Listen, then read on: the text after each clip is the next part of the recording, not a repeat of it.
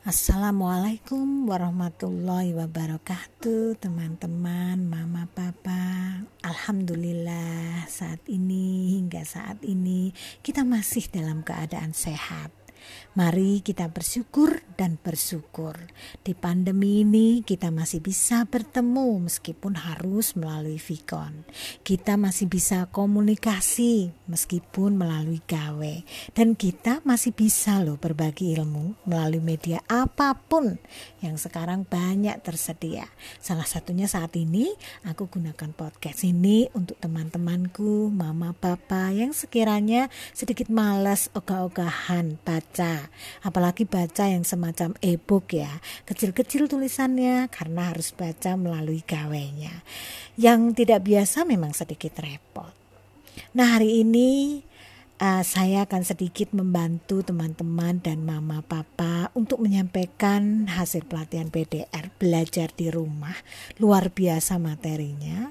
Memang benar saat ini kita sudah tidak berdiri sebagai guru bila kita sebagai pendidik untuk anak-anak didik kita tentunya. Tapi sekarang kita sebagai fasilitator dan konsultan yang mendampingi orang tua dalam tumbuh kembang anak didik usia dini kita supaya fitrah anak-anak didik kita tetap terjaga, supaya fitrah buah hati kita juga tetap terjaga, dan kita akan bangga dan bahagia apabila mama dan papa kembali kepada fitrahnya.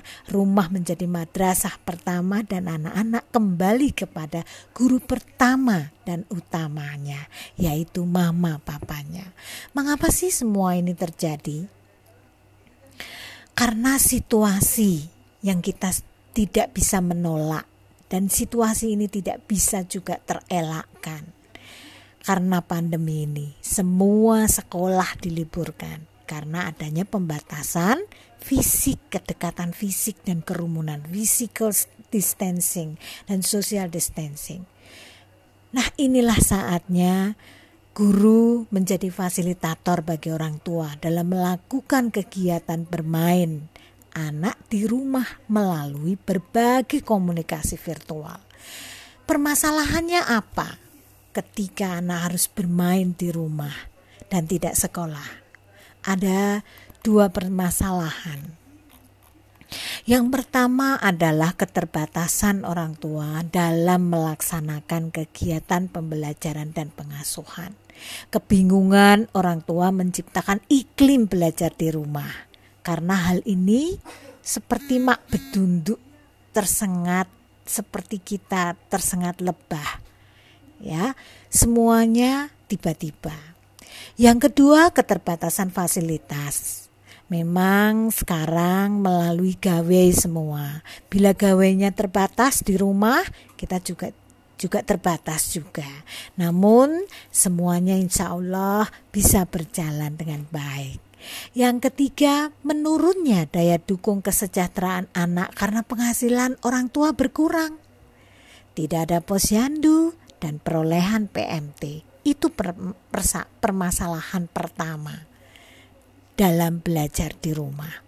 Yang kedua, keterbatasan kemampuan guru dalam memfasilitasi pembelajaran dari rumah ada keterbatasan kompetensi pendidik mengelola proses pendidikan jarak jauh. Sama juga, ini tiba-tiba rasanya.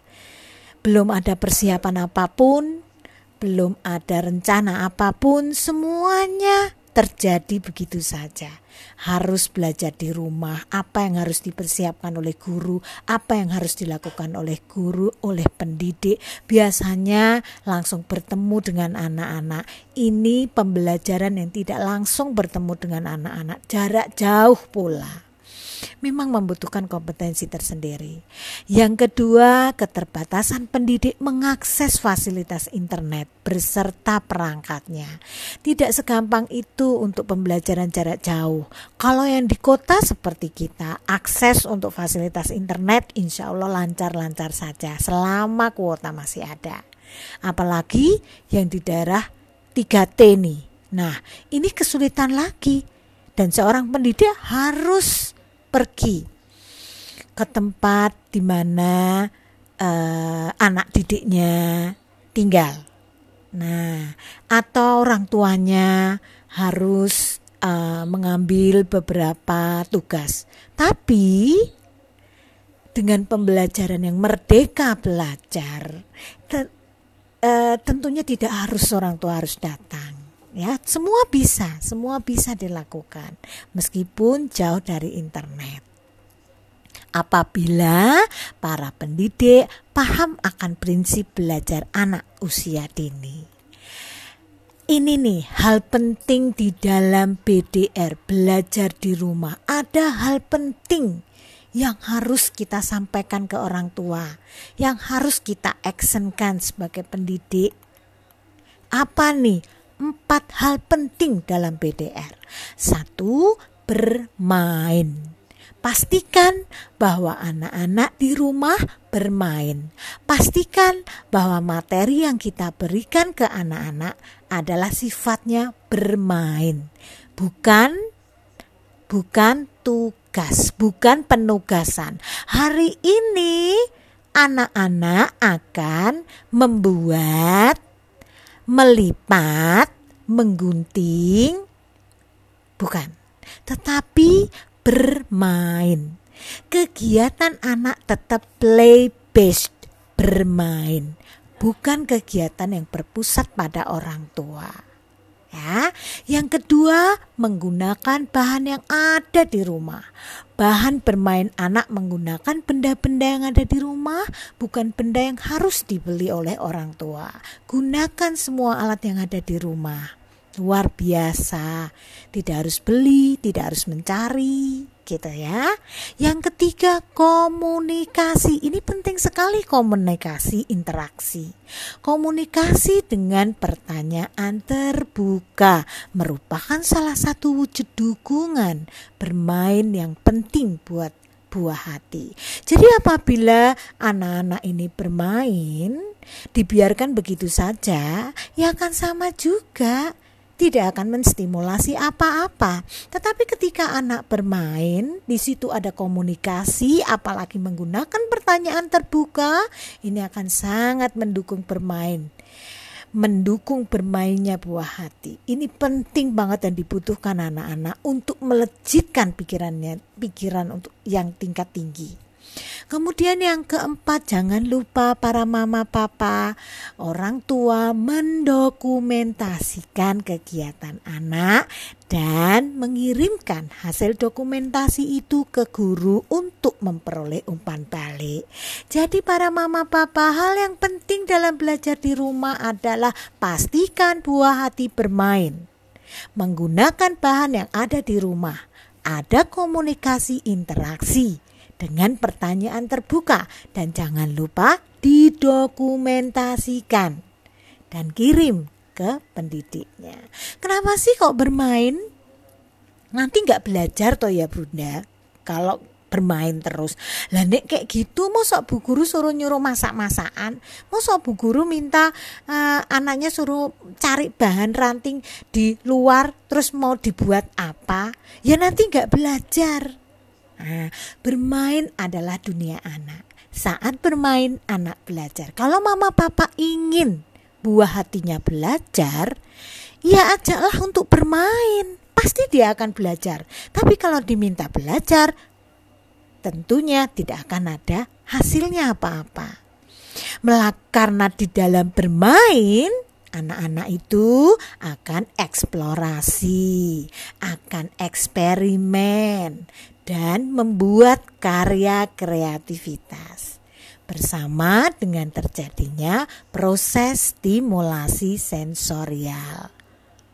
Ini bermain, maka kalau pingin putranya yang masih usia dini belajar ya ajak bermain supaya dia ber, bisa bereksplor, bereksperimen, membuat karya. Tidak usah bu gurunya yang menyuruh membuat karya. Hari ini kita melipat ya, teman-teman. Uh, tidak harus begitu karena dia pasti akan selalu berkreativitas dengan bahan-bahan yang mereka temukan.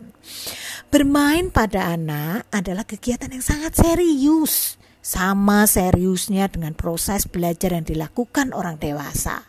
Saat bermain, anak akan menemukan konsep-konsep baru. Ya kan? Nah, maka kalau orang dewasa itu pada saat belajar mereka serius dan kadang diajak bicara tidak mendengarkan. Demikian juga dengan anak-anak. Ketika anak-anak bermain itu saatnya dia serius, saatnya dia belajar. Karena saat bermain mereka akan menemukan konsep-konsep baru. Dukungan yang diperlukan apa sih saat bermain itu? Berikan waktu. Berikan waktu untuk bermain. Berikan benda atau alat atau materi untuk dia gunakan bereksplorasi, bereksperimen, membuat karya. Kemudian berikan tempat, tempat yang nyaman, tidak harus luas tapi tempat yang nyaman, tidak terlalu panas gitu ya. Dan berikan interaksi komunikasi dengan guru atau orang tua. Jadi uh, ketika anak bermain, ketika anak belajar, apa sih dukungan yang perlu kita berikan? Waktu, benda, materi, tempat, dan interaksi komunikasi. Simpel kan sebenarnya? Belajarnya anak usia dini itu, belajarnya anak usia dini itu bermain. Karena di saat bermain, dia akan eksplor, akan eksperimen, akan membuat karya. Kemudian dia akan serius menemukan konsep-konsep baru. Kita hanya memberikan apa sih? Memberikan waktu, memberikan alat, dan memberikan interaksi. Komunikasi dengan pertanyaan terbuka. Yang alatnya apa yang harus digunakan anak untuk bermain? Tidak harus beli mama papa. Bahan atau benda yang dapat dimainkan anak adalah benda apa pun yang tersedia di rumah. Benda yang bersifat terbuka. Ini penting sekali. Terbuka karena anak dapat mewujudkan imajinasi apa pun dengan benda itu. Benda-benda itu dikenal dengan sebutan loose part. Mungkin kalau pendidik itu sudah mengerti semua apa itu luspat dan fungsinya luar biasa. Kita nanti ada episode uh, khusus tentang luspat ya untuk mama papa.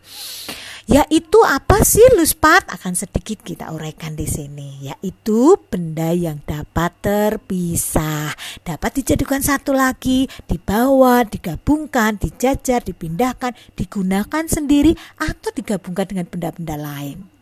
Nah, seperti apa? Kalau kita biasa uh, ada melihat seperti Lego. Lego itu dibentuk apa pun juga itu sesuai dengan imajinasi anak. Anak tidak akan bosan setiap hari main Lego. Dia tidak akan bosan. Karena apa? Karena bisa dilepas kembali, dibuat lagi, mau dipindahkan, dijajah, digabung, di apa apa pun juga. Tapi kalau mobil-mobilan kan bentuknya mobil-mobilan, kita sudah tidak bisa gunakan yang lain selain itu buat mobil-mobilan kan begitu. Jadi kurang luas. Misalnya tidak digunakan mobil-mobilan uh, dibuat tas misalnya dibuat tapi sedikit sekali dan tidak uh, memancing ide kreatif anak tapi dengan loose part dengan bahan yang uh, lepasan seperti Lego itu uh, bisa menstimulasi ide kreativitas sesuai imajinasi yang anak-anak itu mau. Nah, luspat itu ada ragamnya. Luspat itu penting untuk nutrisi sensorial anak. Jadi, gak usah beli-beli mainan mama papa, tapi siapkan luspat itu. Apa sih ragamnya luspat? Sebenarnya semuanya ada di rumah. Nah, temukan benda-benda itu di rumah. Coba mulai saat ini kumpulkan mama-mama, kumpulkan papa-papa yang namanya uh, luspat itu apa sih? Bervariasi bentuknya, teksturnya, warnanya, aromanya, ukurannya. Nah, benda-benda itu dari bahan alam. Ini nih ragamnya luspat. Bahan alam itu seperti apa sih? Seperti ranting, batu, daun kering, ya kan? Biji, biji-bijian apa pun juga buah-buah itu. Kemudian kalau mama jagung itu ya yang ada bonggolnya apa sih namanya ya bonggol jagung itu orang Jawa bilang itu juga kalau dikeringnya bisa digunakan untuk bermain. Itu bahan alam. Aja anak-anak untuk keluar, untuk mencari bahan main, kemudian kumpulin dan masukin di keranjang pisahkan. Ini batu kecil, ini batu besar, ini ranting, ini daun kering. Nah, kemudian kumpulin plastik. Apa saja yang terbuat dari plastik? Lego, masak-masakan, kemudian bola, semua yang ada hubungannya dengan plastik. Mangkok, baskom yang sudah tidak terpakai, sendok plastik, kumpulin jadi satu. Tulis keranjangnya plastik. Kemudian logam, kumpulin semua logam sendok yang tidak terpakai. Mungkin ada skrup, ada tray yang sekiranya aman buat anak-anak. Apa sih logam piring black itu? Apa sih piring piring yang dari seng ya? Nah, itu juga bisa digunakan. Logam juga. Kemudian benek yang dari logam itu, cetitan itu. Kemudian apa sih ya? Uh, yang logam tentunya mama mama dan papa itu tahu. Di rumah pasti akan banyak logam. Kumpulin. Kayu. Kayu itu macam-macam kayu. Tidak harus bentuknya balok yang beli. Kayu apa saja. Ada kayu pring ada kayu bekas bekas apa pun. Kemudian bambu bisa juga dipakai. Bekas kemasan, lah ini bekas kemasan banyak sekali. Ada botol tempat air mineral, ada gelas mungkin uh, apa eh apa namanya gelas plastik bekas yang sudah tidak terpakai lagi, uh, bekas dus dus teh, dus pasta gigi. Nah, kemudian kaca, kaca, cermin, kelereng, keramik, jadikan satu. Kaca, cermin, keramik bekas, kaca tidak harus yang itu ya kaca tapi hati-hati ya. Pilih juga kaca yang bisa untuk cermin ya bukan kaca gelas kaca gitu ya. Nah kemudian botol-botol kaca itu kan juga ada yang bekas tempat minuman ya serta benang dan kain. Kain-kain bekas baju-baju dia bekas dipotong-potong jadikan kain. Tidak apa-apa gitu. Yang sekiranya sudah robek tidak pantas untuk diberikan orang lain. Jadi keragaman luspat itu ada tujuh mama papa. Bahan alam plastik logam kayu dan bambu bekas kemasan kaca cermin keramik serta benang dan kain. Kumpulkan itu di rumah sekarang. Sekarang kumpulkan di rumah. Ya itu adalah alat itu adalah bahan untuk melejitkan pikiran tingkat tingginya. Anak-anak sekarang tuh anak-anak abad 21. Jangan salah, didiklah anakmu untuk zamannya. Jadi kita mempersiapkan mereka untuk zamannya, untuk hidup pada zamannya, bukan zaman sekarang. Ya, kemudian yang ketiga adalah komunikasi interaksi. Interaksi ini nih dukungan apa yang diberikan pada saat dia bermain. Komunikasi dan interaksi bertujuan supaya anak bisa mengembangkan, melanjutkan atau mengobarkan ide-ide dengan luas. Jadi ketika bermain ditungguin. Tapi tidak harus menunggu sampai berjam-jam ikut bermain tidak juga ya. Kenapa sih kok kita kadang-kadang kalau anak-anak bermain disamperin gitu?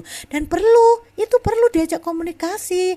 Adik membuat apa? Tapi ingat pada saat mengkomunikasikan pada saat berkomunikasi pada saat berinteraksi bukan untuk menguji pemahaman anak bukan untuk menguji ini apa? Merah atau hijau? Yo salah.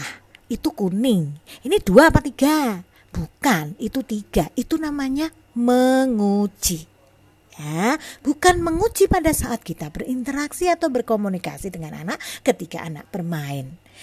Respon anak tidak untuk dilihat benar atau salah termasuk apabila anak tidak menjawab pertanyaan kita karena asik bermain. Masih ingat, bermain adalah belajar.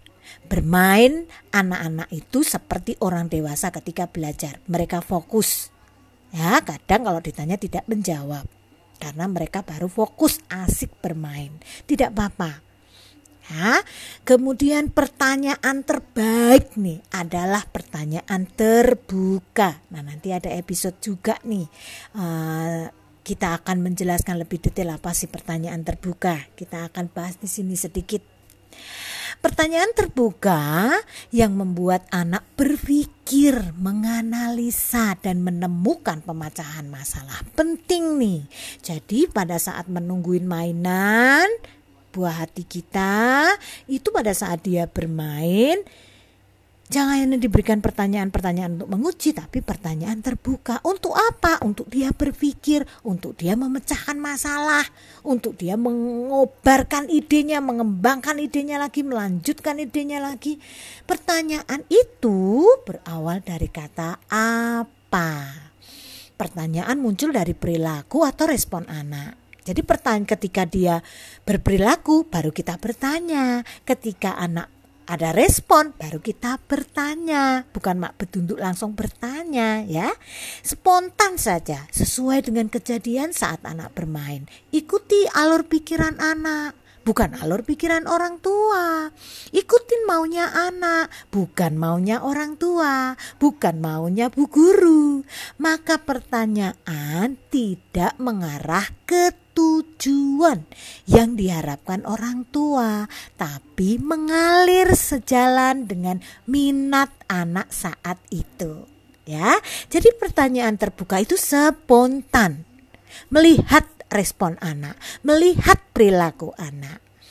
Baru kita berikan pertanyaan terbuka.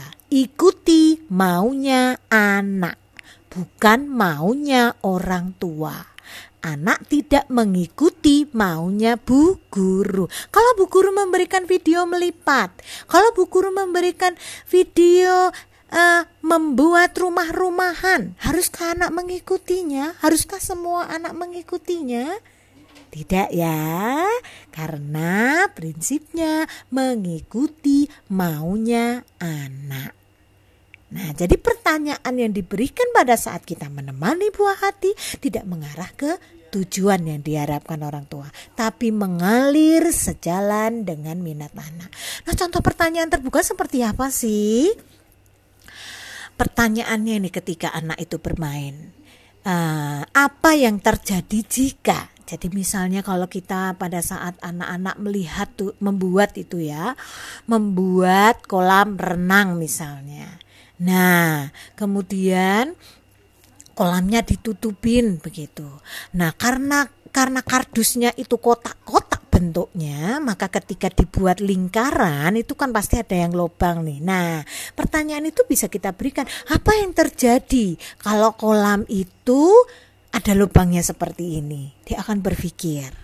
Nah, apalagi yang ingin kamu tambahkan supaya tidak bocor misalnya. Dia akan eh, berpikir lagi. Apa yang sudah kamu coba? Nah, dia cerita. Kemudian ada contoh lagi, apa yang bisa kamu lakukan supaya karyamu bisa lebih besar, bisa lebih kecil. Nah, bisa tambah cantik apa yang bisa kamu lakukan? Nah, ada juga contoh apa yang ingin kamu buat dengan benda-benda ini. Nah, seperti tadi dikumpulin ada contoh nih. Waktu itu bersama mamanya pergi keluar mencari bahan-bahan, kemudian setelah itu dibawa ke rumah, kemudian mamanya bertanya, "Apa ingin kamu buat dengan benda-benda ini?" Kemudian ada juga yang mamahnya nih yang ngumpulin, mamahnya ngumpulin. Mama tuh ngapain? Kok banyak barang-barang di sini? Iya, kita kumpulin di sini buat main enak sekali, asik sekali. Apa yang ingin kamu buat dengan benda-benda yang mama kumpulin ini? Ini, yuk dibuat, silahkan. Nah, itu juga mengembangkan ide, itu melejitkan pikiran mereka, pikirannya menjadi tingkat tinggi lagi. Apa yang terjadi? Nah, pertanyaan ini, apa yang terjadi? Nah, itu juga penting. Apa yang kamu amati tentang semut itu? Nah, waktu itu uh, pernah ini uh, salah satu anak didik yang uh, teman-temannya bermain tapi dia tidak bermain. Dia hanya melihat uh, besi kemudian ternyata yang dia lihat adalah semut. Nah bu gurunya pertama bertanya apa yang kamu amati tentang semut ini? Kenapa ya bunda?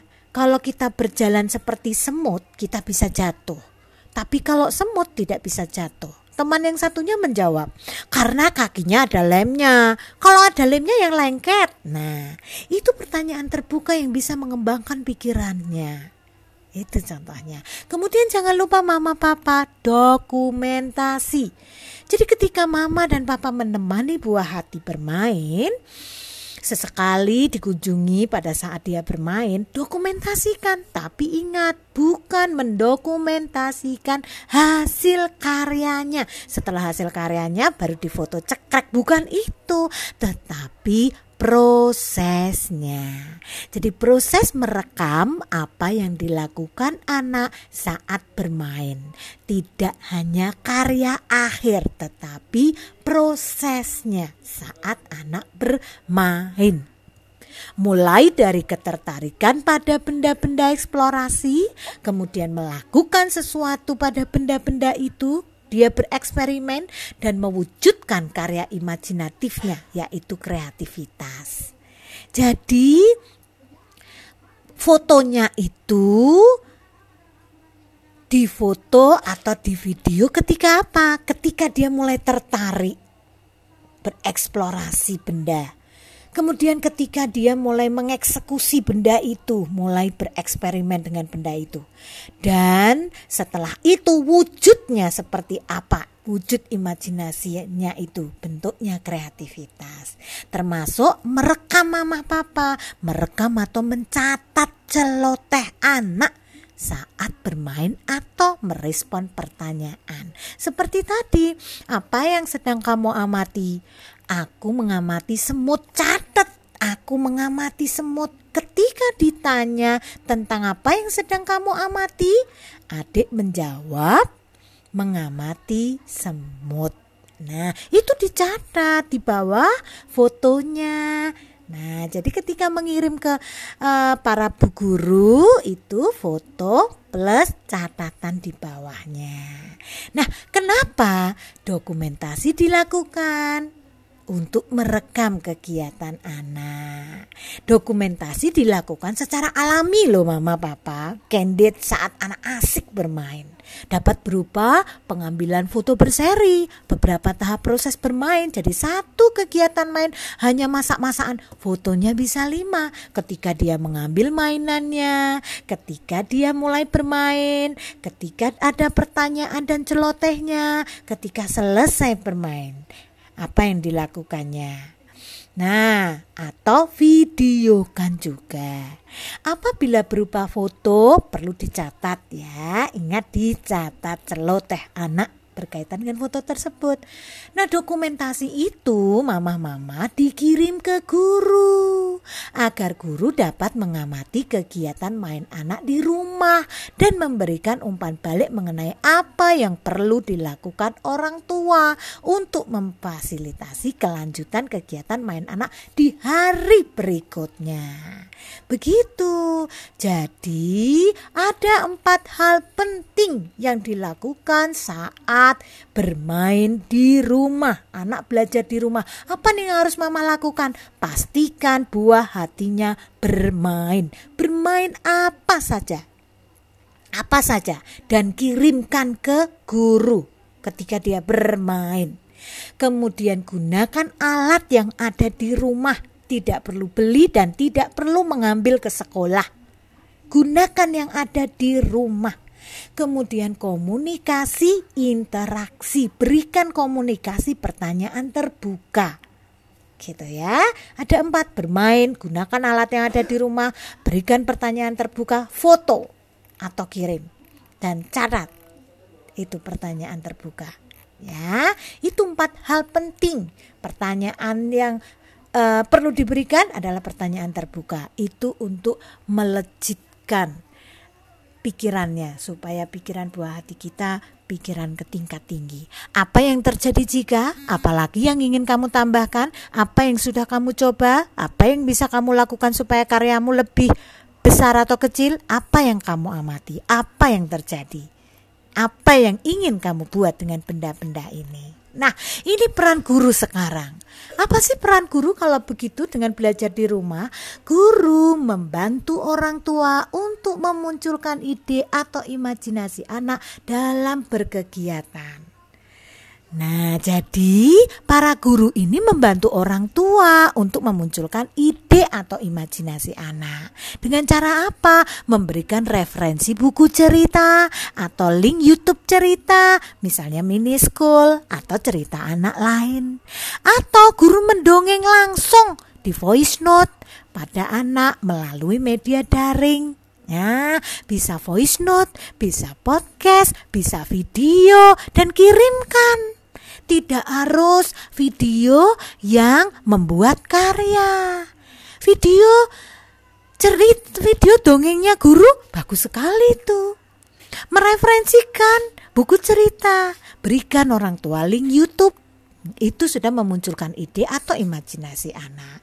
Yang kedua nih peran guru memberikan alternatif bermacam inspirasi kegiatan main anak agar orang tua dapat memilih menyesuaikan dengan minat atau imajinasi anak baik yang berkaitan dengan referensi buku atau dongeng langsung ataupun tidak. Jadi berikan alternatif, Bu Guru membuatkan alternatif bermacam-macam inspirasi kegiatan main anak. Misalnya apa?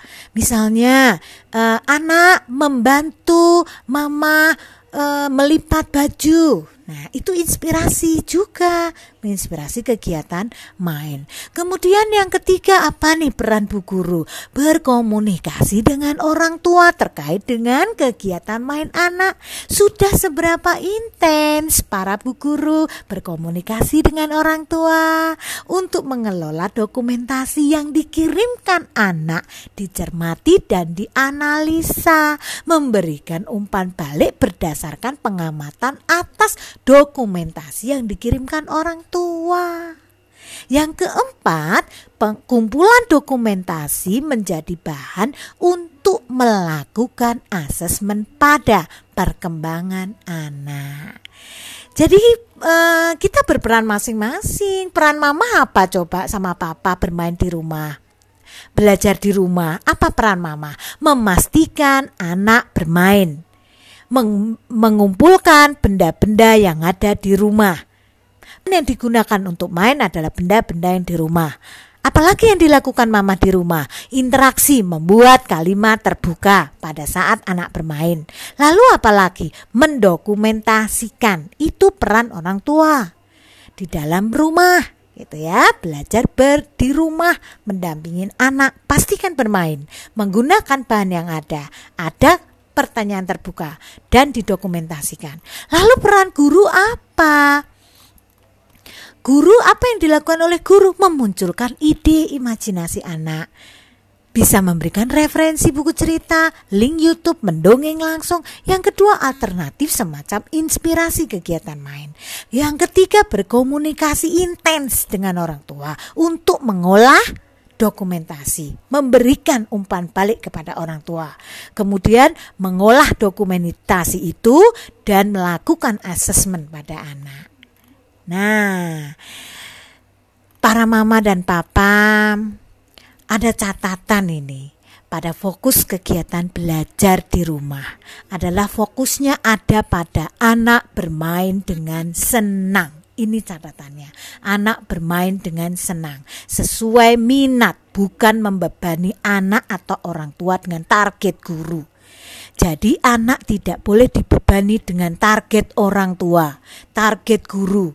Maka guru harus sangat paham akan konsep bermain agar dapat mendampingi dan memahamkan orang tua. Mari kita belajar bersama karena kita guru pembelajar. Tugas guru pada ranah memfasilitasi, berkomunikasi, memberikan ide, memberikan umpan balik dan mengolah dokumentasi kegiatan BDR yang dilakukan oleh anak. Yang ketiga, meskipun guru dan orang tua sudah menyiapkan rencangan rancangan BDR belajar di rumah untuk anak, belum tentu anak tertarik dengan apa yang disiapkan. Yang harus dilakukan adalah biarkan anak melakukan kegiatan yang diminatinya. Orang tua tetap memberikan dukungan untuk anak memiliki memiliki benda yang ingin dimainkan, melakukan komunikasi dan mendokumentasikan.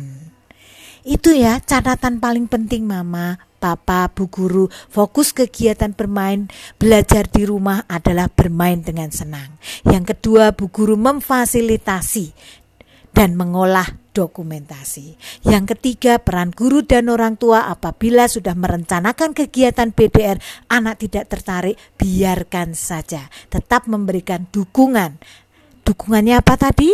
Bermain, komunikasi interaktif, alat dan bahan, dan dokumentasikan. Apa peran guru dalam ranah memfasilitasi? berkomunikasi, memberikan ide dan umpan balik kepada orang tua. Demikian teman-teman, mama papa, mari bergandeng tangan untuk terus menjaga fitrah buah hati kita. Bermain, bermain, bermain. Bahagia, penemu, peneliti, penyayang, suka belajar, pengen tahu, pemikir tingkat tinggi, pelatih sabar kita adalah anak-anak. Semua itu ada pada buah hati kita.